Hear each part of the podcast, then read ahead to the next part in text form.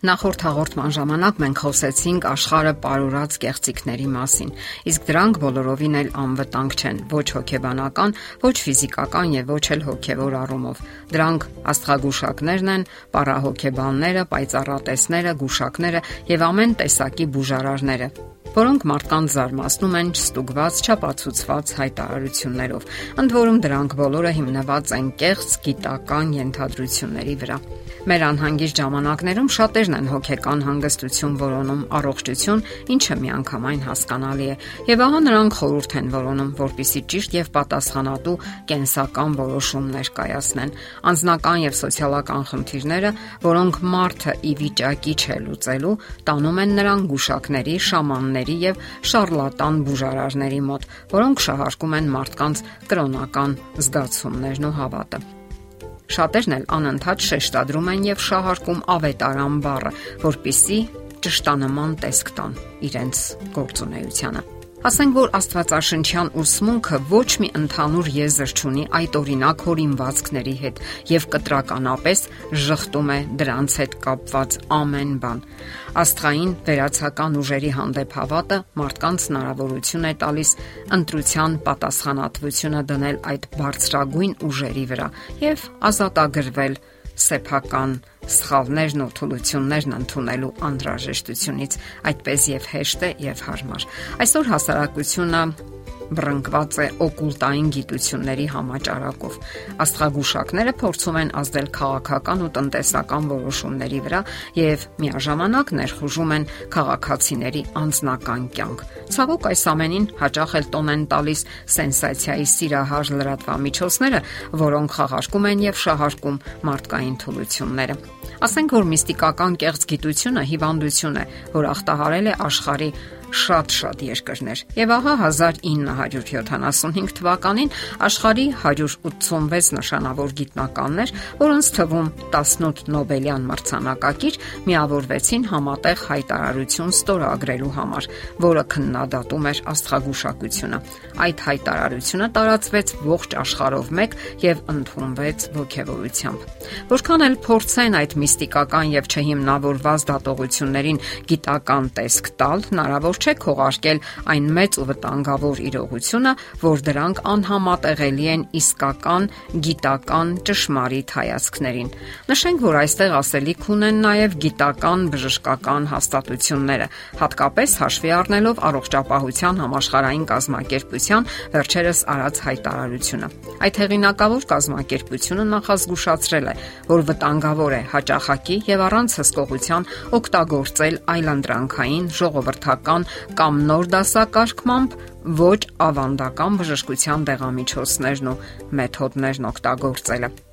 Դրանց մեջ մտնում են ասեղնաբուժությունից մինչև կենսաբանորեն ակտիվ հավելումները։ Նվազեցնելու համար ժողովրդական բժշկության միջոցներով ինքնաբուժման հնարավոր բացասական հետևանքները առողջապահության համաշխարհային կազմակերպությունը հատուկ ձեռնարկ է թողարկել որը նպատակ ունի օգնել բժիշկներին եւ ավելի շատ հենց այցելուներին, որpիսի ճիշտ տեղեկատվություն ստանան բուժման այս կամ այն մեթոդի ու միջոցի անվտանգության մասին։ Եվ այս անհանգստությունն իր հիմքերն ունի։ Աճում են տեղեկություններն այն մասին, որ նկատվում են անբարենպաստ եւ նույնիսկ մահացու ելքով դեպքեր կապված այլընտրանքային բժշկության հետ, որի massայականությունն աճում է ոչ միայն զարգացող, այլև զարգացած արդյունաբերական երկրներում։ Այդ հիմնախնդրի վերաբերյալ համաշխարային վիճակագրություն ցավոք դեռևս չկա։ Պետք է ընդունել նաև, որ հայտնի են դառնում բացահայտված դեպքերը, իսկ որքան դեպքեր մնում են չբացահայտված։ Ահա թե ինչու է գրում առողջապահության համաշխարհային կազմակերպության Ռուսաստանյան Ֆեդերացիայի փորձագետ Վլադիմիր Լեֆակինը։ Այն կարծիքն է տիրում, թե ժողովրդական բժշկությունը լավ է ցանկացած մարդու համար, ցանկացած ժամանակ եւ ցանկացած քանակով, սակայն այս կարծիքը խոր մոլորություն է։ Շատ օրինակներ կան, երբ մարդիկ ոչ թե պարզապես դուժել են, այլև մահացել նման օրինակ առանց հսկողության բուժումներից։ Հիմնական խնդիրն այն է, որ ժողովրդական բժշկության դեղամիջոցները ավելի քան 90 երկրներում չեն համարվում դեղամիջոցներ եւ հաճախ վաճառվում են ոչ միայն առանց բժշկի դեղատոմսի, այլև պատահական տեղերում, պատահական մարդկանց կողմից։ Քիչ չեն նաեւ դեպքերը, երբ վաճառվում են այնպիսի դեղամիջոցներ, որտեղ արկա են ծանր մետաղների թունավորությամբ աղեր կամ մարդու համար վտանգավոր այլ միացություններ, ինչի մասին բազմիցս գրում են բժշկական գործակալությունները։ Անհրաժեշտ է ուժեղացնել հսկողությունը սննդային հավելումների նկատմամբ, ընդգծում է Վլադիմիր Լեֆակինը։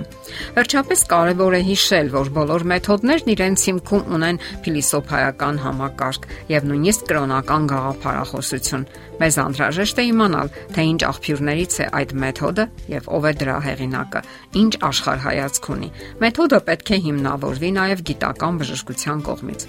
Իսկ այժմ նշենք բուժման գիտականորեն չհիմնավորված եւ խորուրդ չտրվող մեթոդներից մի քանիսը. Միզաբուժություն, հիպնոզ, յոգայի համակարգ, օկուլտային տարբեր մեթոդներ, կրոնական, որպես թե գերբնական բուժումներ։ Ուրեմն իմացեք, որ ձեր կյանքը ձեզ է պատկանում, սակայն միայն այն դեպքում, երբ դուք եք կանգնած ղեկի առաջ։ Կանոնները, որով դուք ապրում եք, պետք է լինեն միայն ձեր կանոնները, ձեր արժեքները, ձեր համոզմունքները այն բանի առումով, թե ինչն է լավ եւ ինչը վատ, ինչն է ճիշտ եւ ինչը սխալ։ Երբ դուք ընտրում եք ուրիշ մեկի կամ ինչ որ խմբի արժեքներն ու կանոնները, որոնք ճնշում են ձեզ, ապա դուք սկսում եք փոխվել եւ նրանց հանձնել ձեր ուժը։ Եվ որքան շատ եք հանձնվում, այնքան քիչ է ձեր եսը մնում ձեր մեջ։ Ուշադիր եղեք, զգուշացեք շարլատաններից եւ պահպանեք ձեր առողջությունը։ Եթերում առողջ ապրելակերպ հաղորդաշարն է։ Հարցերի եւ առաջարկությունների համար զանգահարել 033 87 87 87 հեռախոսահամարով։